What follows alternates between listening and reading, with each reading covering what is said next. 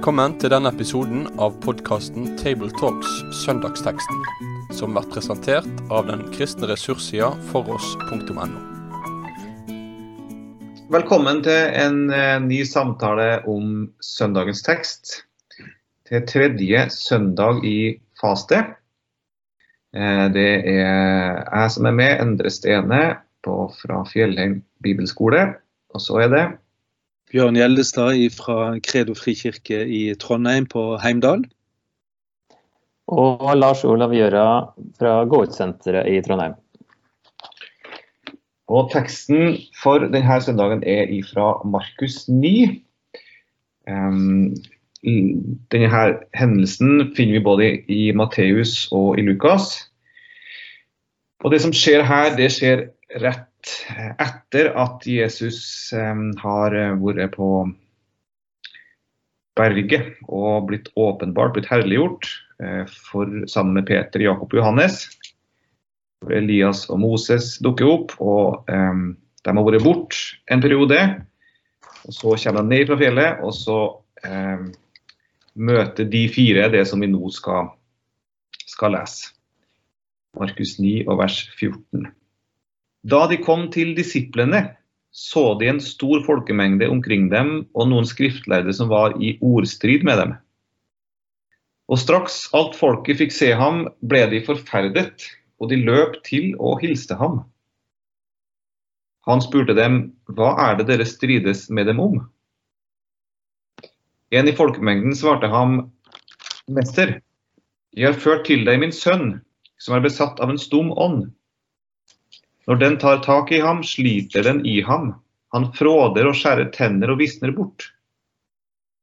Jeg sa til dine disipler at de skulle drive den ut, men de var ikke i stand til det. Han sa til dem, du vantro slekt, hvor lenge skal jeg være hos dere? Hvor lenge skal jeg tåle dere? Før ham hit til meg. De førte gutten til ham, og da han så Jesus, begynte straks ånden å rive og slite i gutten så han falt til jorden. Veltet seg og frådet. Og han spurte hans far, hvor lang tid har det vært slik med ham? Han svarte, fra barndommen av. Ofte har den kastet ham i ild og i vann for å gjøre ende på ham. Men om du kan gjøre noe, ha medynk med oss og hjelp oss. Jesus sa til ham, om jeg kan, Alt er mulig for den som tror. Straks ropte gudsens far, jeg tror, hjelp min vantro. Da Jesus så at folket stimlet sammen, truet han den urene ånd og sa til dem, du stumme og døve ånd, jeg befaler deg, far ut av ham og gå aldri mer inn i ham. Da skrek den høyt og slet hardt i ham og for ut av ham. Han lå som livløs, og mange sa han er død. Men Jesus grep ham med hånden og reiste ham opp, og han sto opp. Da han var kommet inn i hus, spurte hans disipler ham i enerom, hvorfor kunne ikke vi drive dem ut? Han sa til dem, dette slag kan ikke bli drevet ut uten ved bønn og faste.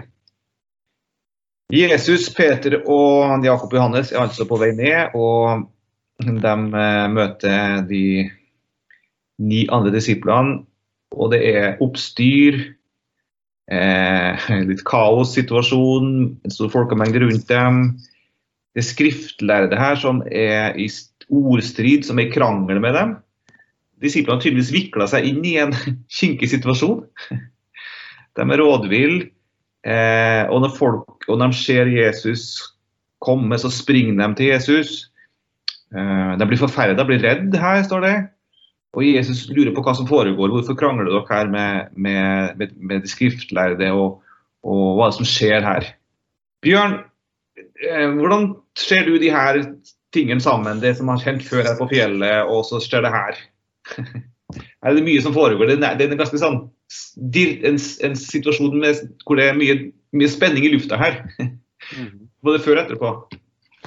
Altså det, det, er jo lett å leve seg inn i hvert fall hvordan eh, eh Peter, Jakob og Johannes kan eh, kanskje oppleve dette fra å, ha vært på eh, en av de store opplevelsene i livet sitt og fått sett eh, Moses og Elia og sett Jesu herlighet og hørt stemmen eh, oppe på fjellet.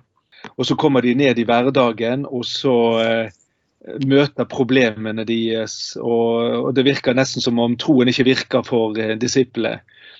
Og Da tenker jeg at, tenker i hvert fall to ting. At sånn er gjerne livet vårt. Det har oppturer og det har nedturer. Og eh, i, eh, i, hverdagen vår så vil vi oppleve mange situasjoner hvor vi kan kjenne på avmakt. Vi kan lure på hvor Gud er, vi kan føle at vi får ikke bønnesvar. Så sånn at Den situasjonen de opplever her, den tenker jeg at ja, den tror jeg eh, vi kan også oppleve. Altså Noen ganger så virker det som at ting ikke virker sånn som det skal. Sånn, Disiplene hadde jo blitt sendt ut av Jesus, de hadde fått fullmakt til å drive ut onde ånder. Og så plutselig denne dagen så virker det ikke. Jeg tenker Det må ha vært en litt sånn nedslående opplevelse for dem. Og, Samtidig er det mye trøst i dette, for den, den opplevelsen kan jo vi også kjenne. Og da, da, tenker jeg Kontrasten her det er vår avmaktsopplevelse og, og Jesu makt midt oppi dette. da. Mm, fariseerne her, da, de, hva, er det de problematiserer? For hva de krangler om? Fariseerne de, de, krangler med. De som problematiserer ting her, det er jo egentlig ikke sønnen her, først og fremst, men det er jo fariseerne som er eh, disiplene sin, sin, motstander her i, i dialogen. Det virker som om, virker som fariseerne på en eller annen måte stiller spørsmål ved, ved Jesu troverdighet. da. Ja. Eh, for, fordi eh, disiplene ikke får til å helbrede her. Og at det er Jesu troverdighet som står i spill fordi hans disipler ikke lykkes med det de, de forventer at de skal gjøre. Og Det kan jo være derfor de løper mot Jesus òg, at Jesus har vært diskutert. Eh, han har noe med det her å gjøre. Så når han kommer, så blir de både forferda og en løp bort. Altså, det er folk. Så det er folk som blir forferda, og folk som løp. så det er ikke bare disiplene. Men eh, så virker det som han eh, Ja, det er, noe, det er jo sammenheng selvfølgelig da, mellom Jesus og disiplene. Og, så det kan være troverdigheten det går på der. Eh, tipper òg det ikke var så veldig behagelig for disiplene å stå oppi det der. Når Jesus som ikke var der, og de hadde liksom trodde at dette her skulle gå greit sånn som før, og så gjorde det plutselig ikke det. Og så ja, en eller annen anklage som ikke nevnes, da. Men og jeg tenker også sånn at uh, De opplever jo motstand her fra flere kanter. sant? Altså Denne gutten som de er hjelpeløse overfor. Og så får de da kritikken tydeligvis fra fariseere. Og det stemmer jo helt med fariseerne sitt mønster ellers når han møter Jesus og disiplene, så er, de veldig kritiske. og de, de stiller eh, spørsmål ved hans uh, troverdighet. Og, og nå er det disiplene som blir stilt spørsmål ved. Så jeg tror du har rett i den, eh, den analysen der. Selv om ikke det sies direkte her, da. Og Det er overførbart også i vår tid, er det ikke det?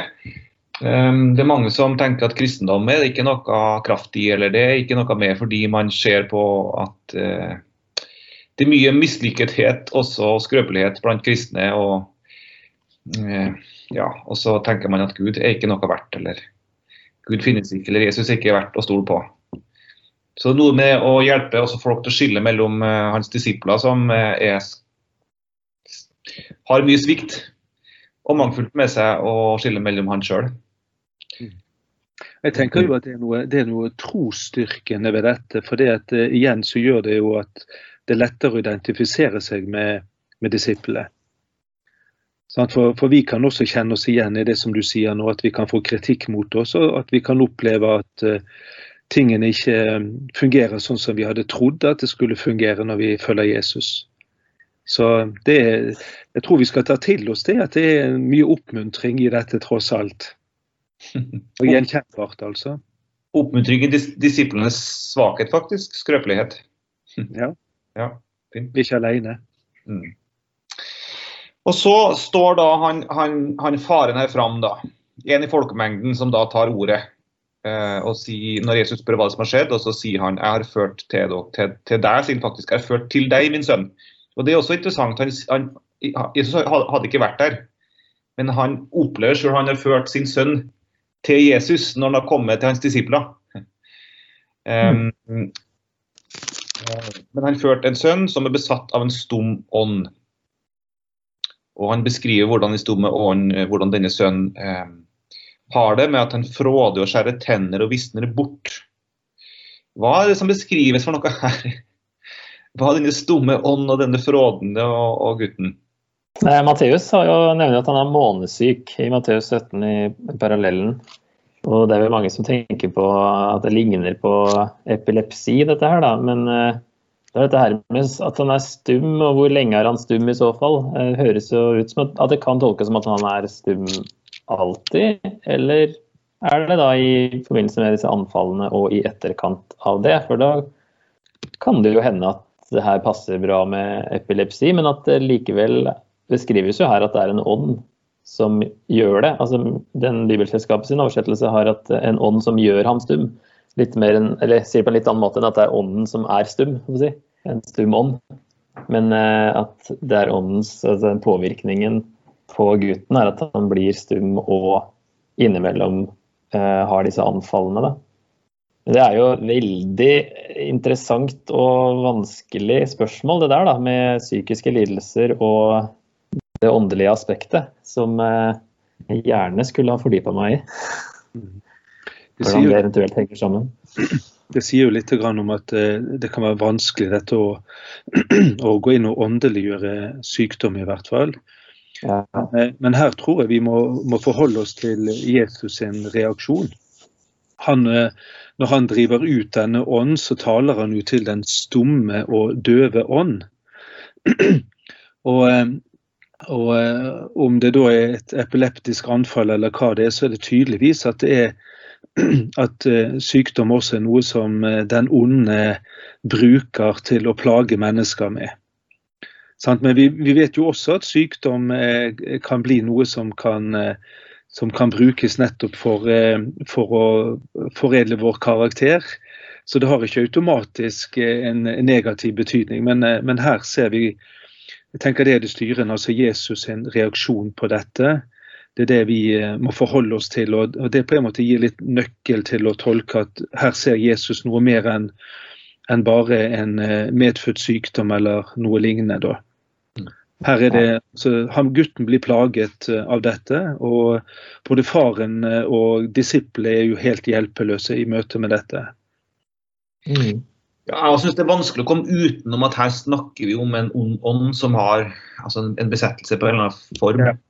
Fordi at mm. det beskrives så tydelig at når Jesus eh, taler til en, så, eller når Jesus møter gutten, så, så, skjer det noe i gutten.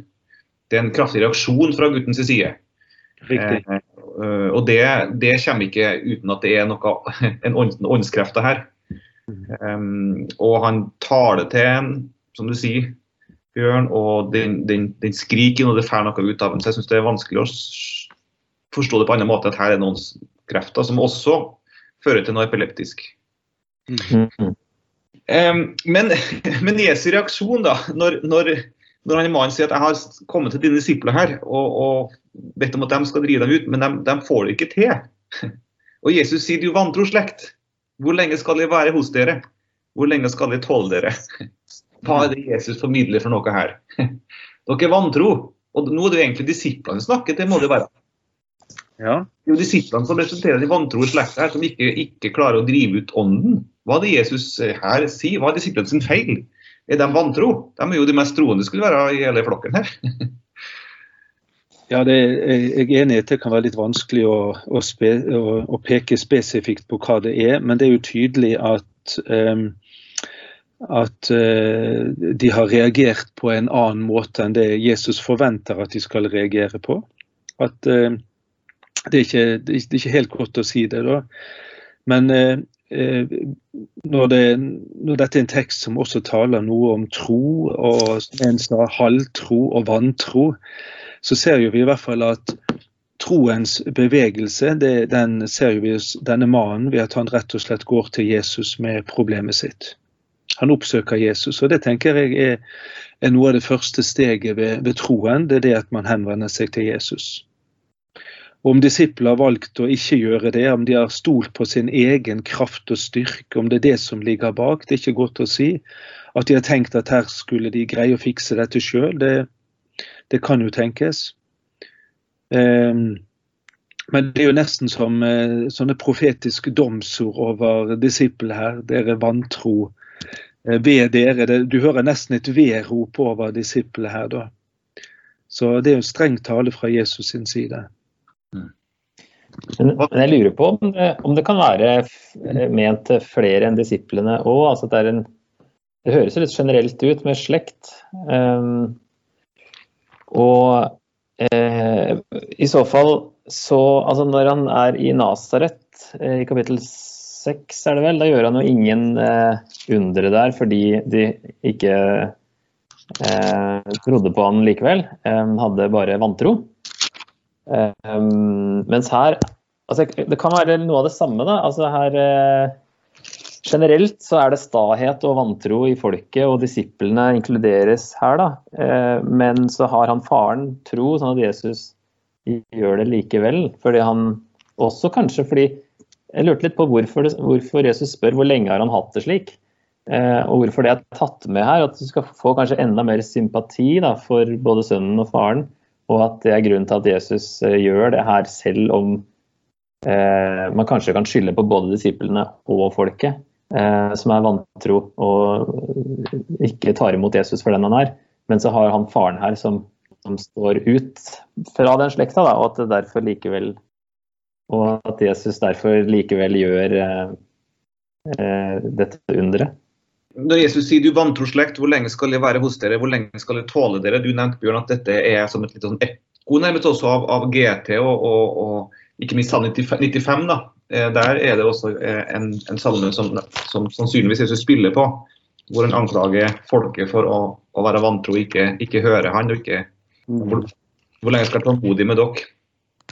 Eh, Lars Olav, um, hva tenker du og disiplene sin feil her? Ja, nei, Noe av det som Bjørn nevnte, tenkte jeg også. Dette med eh, ja, som, altså De har fått autoritet eh, til å, til å drive ut eh, onder, bl.a., og har gjort det før i evangeliet. Og så plutselig så går det ikke nå. Eh, og så er det jo en diskusjon om Eller det snakkes om tro med han faren og Jesus, da, som har en liten, eh, liten samtale om det, som da nok gjør at Jesus velger å gjøre dette her. fordi det er også Nå, nå fikk jeg plutselig mange tanker her. Jeg skal prøve å, å få, det, få, det, til å henge sammen. Men, men um, eh, også i den uh, dama med blødninger i, i kapittel fem, med Jairus sin datter på hver sin side. Det er noen paralleller der med at han reiser opp denne gutten som virker som om han er død. Han reiser opp eh, Jairus sin datter, som faktisk var død. Uh, og både hos Jairus og hos, hos hun dama med blødninger, i midten av historien, så er Jesus veldig ivrig etter å, å, høre at det er tro til stede. Eller, eller han skal finne ut hvem som, var, hvem som ble helbreda i flokken. Fordi han må si til hun dama at det var troen din som gjorde det, det var ikke noe magisk. Eh, og her er det òg at Jesus må få han, faren til å si at han tror. Eh, og så tenker jeg at det henger sammen med at for hele, hele historien starter og slutter da, med dette med disiplene. De klarte ikke, og så spør de på slutten hvorfor klarte vi det ikke. Eh, så det rammes inn, liksom det er det det handler om, kanskje. Eh, dette her, Og så handler det Jesus svarer der bønn på slutten, men så handler det om tro i historien. Mm. Og at det er en sammenheng der. da. Så om disiplene da har, eh, som Bjørn eh, nevnte òg, blitt eh, for høye på seg sjøl eller noe sånt, og tenkt at bare fordi vi er disipler, så går dette her glatt. Og, i, og at det er en, på en måte en definisjon av den type tro Jesus vil ha, det er en tro som, som viser seg i bønn. da. Ja, det er, jo, det er jo interessant at uh, tro kobles sammen med bønn her. For uh, for uh, både i teologien, men også i oppbyggelseslitteraturen spesielt, så snakker man jo om, om bønn som troens språk.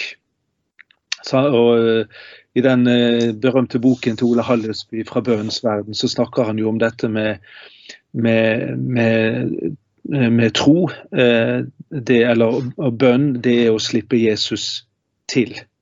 Altså, da, da, lukker du Jesus inn i sitt, sitt, liv og inn i situasjonen. Og, og det er jo tydelig at her er det Eh, når Jesus sier at, det, at, bønn og faste er oppskriften på at her kunne det ha gått annerledes, så sier han jo noe om eh, direkt, indirekte at eh, gjennom bønn så ville dere ha sluppet meg inn i denne situasjonen. Sånn tenker jeg det da.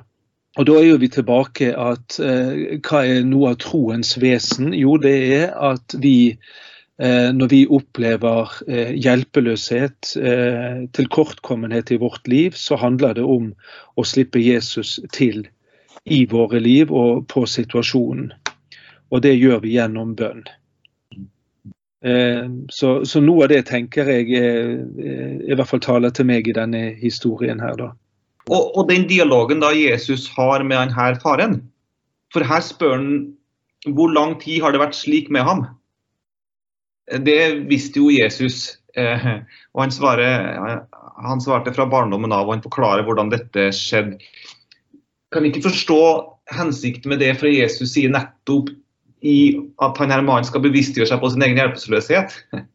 Eh, og nettopp, nettopp få satt ord på det at Jesus, dette håndterer vi ikke. Dette klarer vi ikke. Her, her står det overfor noe som er helt håpløst, Jesus. Vi, vi, vi, vet ikke noen ting her. Mm. Og er det ikke noe av det Jesus prøver å få fram hos denne mannen? Nettopp for at bønna skal vokse fram inn, som du sier her, Bjørn. Eh, eh, ja. At han skal si til Jesus, Jesus for at han skal be, da. Vekkes mm. opp inn. Jeg tenker jo noen ganger at uh, som jeg, jeg tenkte litt på her, Jesus uh, nesten som, uh, som, en lege ville ha spurt ja, hvordan har du det? Hvor lenge har du hatt det sånn som dette? Det, det er nesten så vi kan fornemme det. Og, men også sånn når han møter eh, den blinde Bartimeus, så spør han hva vil du at jeg skal gjøre for deg? Hva er det du ønsker? Og det, det er noen ganger at det kan se ut som at Jesus vil, vil ha også en erkjennelse eller en bekjennelse fra oss. At vi setter ord på vår situasjon, på vår, eh, vår opplevelse av situasjonen og vår hjelpeløshet eh, som en døråpner for å gripe inn. Selv om ikke det er så tydelig i denne, eh, denne historien her, så er det, jo, er det jo tydelig at Jesus ikke bare hopper rett på og feier vekk de onde ånder, men han, han, fører denne dialogen. og jeg tenker også at han, han, han, viser jo interesse for denne personen og, og omtanke for han og lytter til han. Og Det syns jeg også er trosstyrkende. Mm. Og det er også trosstyrkende, synes jeg, å se at han, eh, faren da svarer eh, Jeg tror, hjelp meg i min vantro. At eh, selv om det grammatisk er motsetninger, tro og vantro, så, så går det an å ha begge deler. Og det er jo ikke så rart at han har blitt og at han føler på vantro når han er så håpløs, da, og til og med disiplene ikke klarte det. Så er det sånn ok, da blir det enda mer håpløst. Og, og at det da at det uttrykkes med at han tviler på, på, noe, men han velger å tro, selv om det er ting som ikke eh, Han føler på vantro likevel. Da. Om det er eh, følelsene, kanskje, heller mer i retning av vantro, mens han eh, kanskje tar en bestemmelse med å tro, eller Altså tro som tillit, da, som kanskje er en bedre oversettelse. Eh, sier litt mer, da. fordi Det ikke, handler ikke om å tro på Jesus om han finnes eller ikke, for han står jo rett foran ham. Så det er jo å ha tillit til det han kan gjøre, selv om han er så håpløs at han tviler eller har vantro. Eh, fordi Bibelen så er egentlig frykt er mer enn en, eh, det motsatte av tro enn tvil og vantro. Hos Abraham òg, som tvilte, falt til bakken og, og tilba, men samtidig som han lo når jeg skjønte at det var Sara som skulle få Isak. Ehm, så går det an Altså det er rom for tvil i troen, og det syns jeg er veldig eh, fint her med han faren, at han har begge deler. Og at eh, det går an å, å lure på ting og synes at ting virker håpløst og kanskje umulig, men du kan ha tillit likevel da, til Jesus. Ja, for dette avsnittet beskriver ganske sånn tydelig hva tro er for noen ting. og det er som om guttens far her og disiplene blir stilt litt opp imot hverandre. Mm. Eh, disiplene de også slet jo helt sikkert med tru, og de hadde tillit til han òg, men de hadde kommet i en situasjon hvor de, som du sa tidligere, Lars Olav, um, de hadde, og du, du, du Bjørn sa det også, de, de hadde fått en tiltro til seg sjøl. Og autoriteten i møte med situasjonen lå i deres tru. Mm. Eh, og dermed stolte de ikke på Jesus lenger. Dermed var de ikke grunnleggende avhengig av han. For de, dette skulle de fikse. Mens mm. denne mannen her var grunnleggende hjelpeløs. Mm. og, og, ikke engang tru fikk han til. Som, jeg får ikke engang til å tro Jesus. Mm. Men jeg har ikke noen annen plass å, å, gå hen. Jeg må venne meg til deg. Du er mitt eneste håp. Mm. Jeg, jeg tror, men jeg er desperat. Jeg får ikke til å tro. og da har han jo, da, da har han gitt opp fullstendig tro på seg sjøl og har kun trua på Jesus. Og det er jo liksom, det er jo det som er tro. Det er jo beskrivelsen av tro. Mm. Ja, han, eh, han, erkjenner jo tydeligvis sin hjelpeløshet. Sant? Og når han spør Jesus er det mulig for deg eh, å, å, gjøre noe han, eh, og Det tenker jeg også er litt befriende. Han, han foreslår ikke, ikke, hva Jesus skal gjøre, men er det mulig for deg å gjøre noe. Og Det tenker jeg sånn, det er også fint med bønn, og ikke, ikke gå inn og, og dirigere hva Gud skal svare. Men det han ber om, det er medfølelse, og så ber han om hjelp.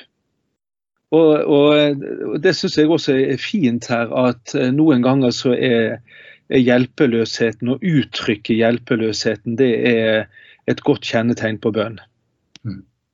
Eh, mens, mens, kanskje mye av, av, vårt bønneliv det kan være at vi, vi ber ut ifra selvfølgeligheter som vi nesten ikke har tro på Han som vi ber til, og vi tenker at eh, ja, dette går nå fint, eh, enten det skjer noe eller ei, enn uten Gud griper inn. Men han, denne mannen er desperat. Han tenker det at hvis ikke du nå gjør noe, så kan ingen andre gjøre det.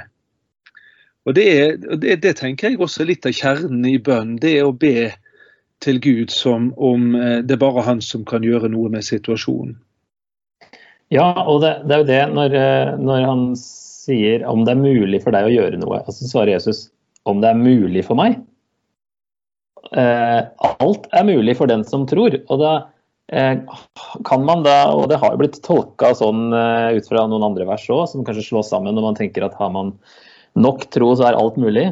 Men jeg forstår det heller som at Jesus sier at hvis du har tro på Jesus, så er alt mulig.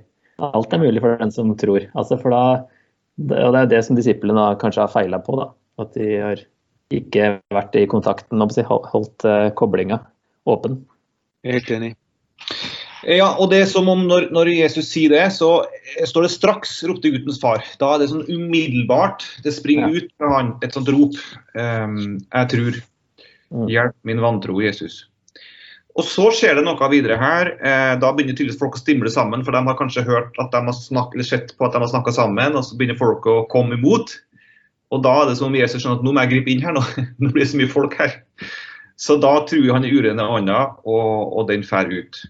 Eh, og Det blir en sånn dramatisk eh, situasjon. Eh, Mannen eh, blir livløs og han ser ut som død, men Jesus griper han i hånda og reiser han opp, og han står opp. Men så kommer slutten, da. Der mm. disiplene blir litt sånn rådville. Hvorfor klarte ikke vi å gjøre dette, Jesus? Hva var det som var det som gikk gærent her? Og han sier til dem dette slag kan ikke bli drevet ut uten ved bønn og faste. Dette er ikke helt lett. Elise hadde sagt nå. Eh, og så må vi også si at ordet 'å faste' ikke er med i, i noen av håndskriftene. Så det er en viss diskusjon hvorvidt dette er et tillegg, hvordan 'å faste'. Hvordan skal vi forstå sluttversene her nå, lys av det vi nå har sagt? Jeg tenker litt uh, at uh, igjen er det dette med Hvis vi tenker så enkelt at bønn er å slippe Jesus til, så er det som at uh, han sier her dette kan ingen av dere gjøre, men gjennom bønn så kanaliseres jeg inn i Slippes jeg løs på saken. Og, og, det er jo, Vi ser jo det denne, denne, denne, teksten handler jo om både tro, men den handler også om kampen mot onde krefter. Og Hvis vi går til Efeserbrevet kapittel 6, uh, der det snakkes om denne Guds fulle rustning i kampen mot de onde kreftene, så står det på slutten 'gjør alt dette i bønn'. Og Der ser vi også det at bønn knyttes inn i i, som et av de fremste våpnene, eller det som, som gir tilgang til Som slipper Jesus og hans kraft inn i, i en situasjon. Så jeg tenker litt av det. Og når det kobles sammen med faste, så er jo faste har jo noe av, noe av hensikten med faste er å gi dypere konsentrasjon når du ber.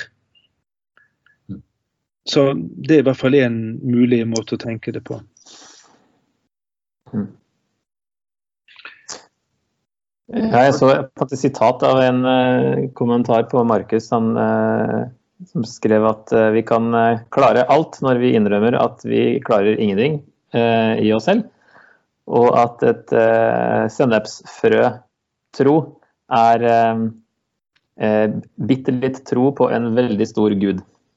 Så, uh, og det er, det er, mye her med altså at vi kan bli litt sånn som disiplene, som eh, kanskje da her måtte lære at uh, deres tidligere suksess med å drive ut uh, ånder ikke garanterte at de klarte det hver gang bare fordi de var disipler og hadde gjort det før, men at det er Guds kraft som må bes inn eh, hver gang. da, Og at det er Gud det kommer an på. og eh, han faren nå har jo bare så vidt tro på Jesus. Han har så vidt han klarer å si det, og så er det nok. Fordi alt er mulig hvis du tror, fordi da kan Jesus gjøre det. Um, og Det er det her en fella vi kan gå i også, med at vi blir litt vant til at vi, vi blir litt for flinke. da, Det er det. Mm. Det med at vi, En fare som kanskje er en form for vantro, ut fra teksten her. da, At man blir, tror man kan klare det sjøl, for man har gjort det så mange ganger. Blitt så flink eh, til akkurat det her. og og glemmer Gud, og kan til og med holde på med menighet og kristent arbeid uten å ta med Gud. Og det, det er jo en fallgruve. jeg et, eh, en, en, flott eh, setning som jeg har hørt, det er jo det at hvis du har en liten gud, så kan du forvente deg store problemer. Men har du en stor gud, så blir det små problemer. Og det er, av, det, er jo, det er jo, kanskje litt av det her at jo, jo eh, jo større vi ser, eh, ser, hvem Gud er, eller jo mer vi forventer Han, jo, mer, jo mindre forventer vi av oss sjøl og vår flinkhet, som du sier. Det tror jeg er en god oppsummering av uh, denne søndagens tekst. Uh, takk for samtalen, og så la oss avslutte med en kort bønn. Herre, takk for ditt ord og det vi har blitt møtt med i denne teksten, og i det vitnesbyrdet du la igjen om deg sjøl, om oss, eh, om vårt forhold til deg i den hendelsen som jeg leste om. Vi ber Herre om at eh, vi må få være svake og hjelpeløse i oss sjøl, at vi får venne oss til deg, Herre, eh, så du får komme til med din kraft i våre liv. La oss få være svak, men sterk i den du er, Herre. Amen. Med det sier vi takk for følget for denne gang. Finn flere ressurser, og vær gjerne med å støtte oss på foross.no.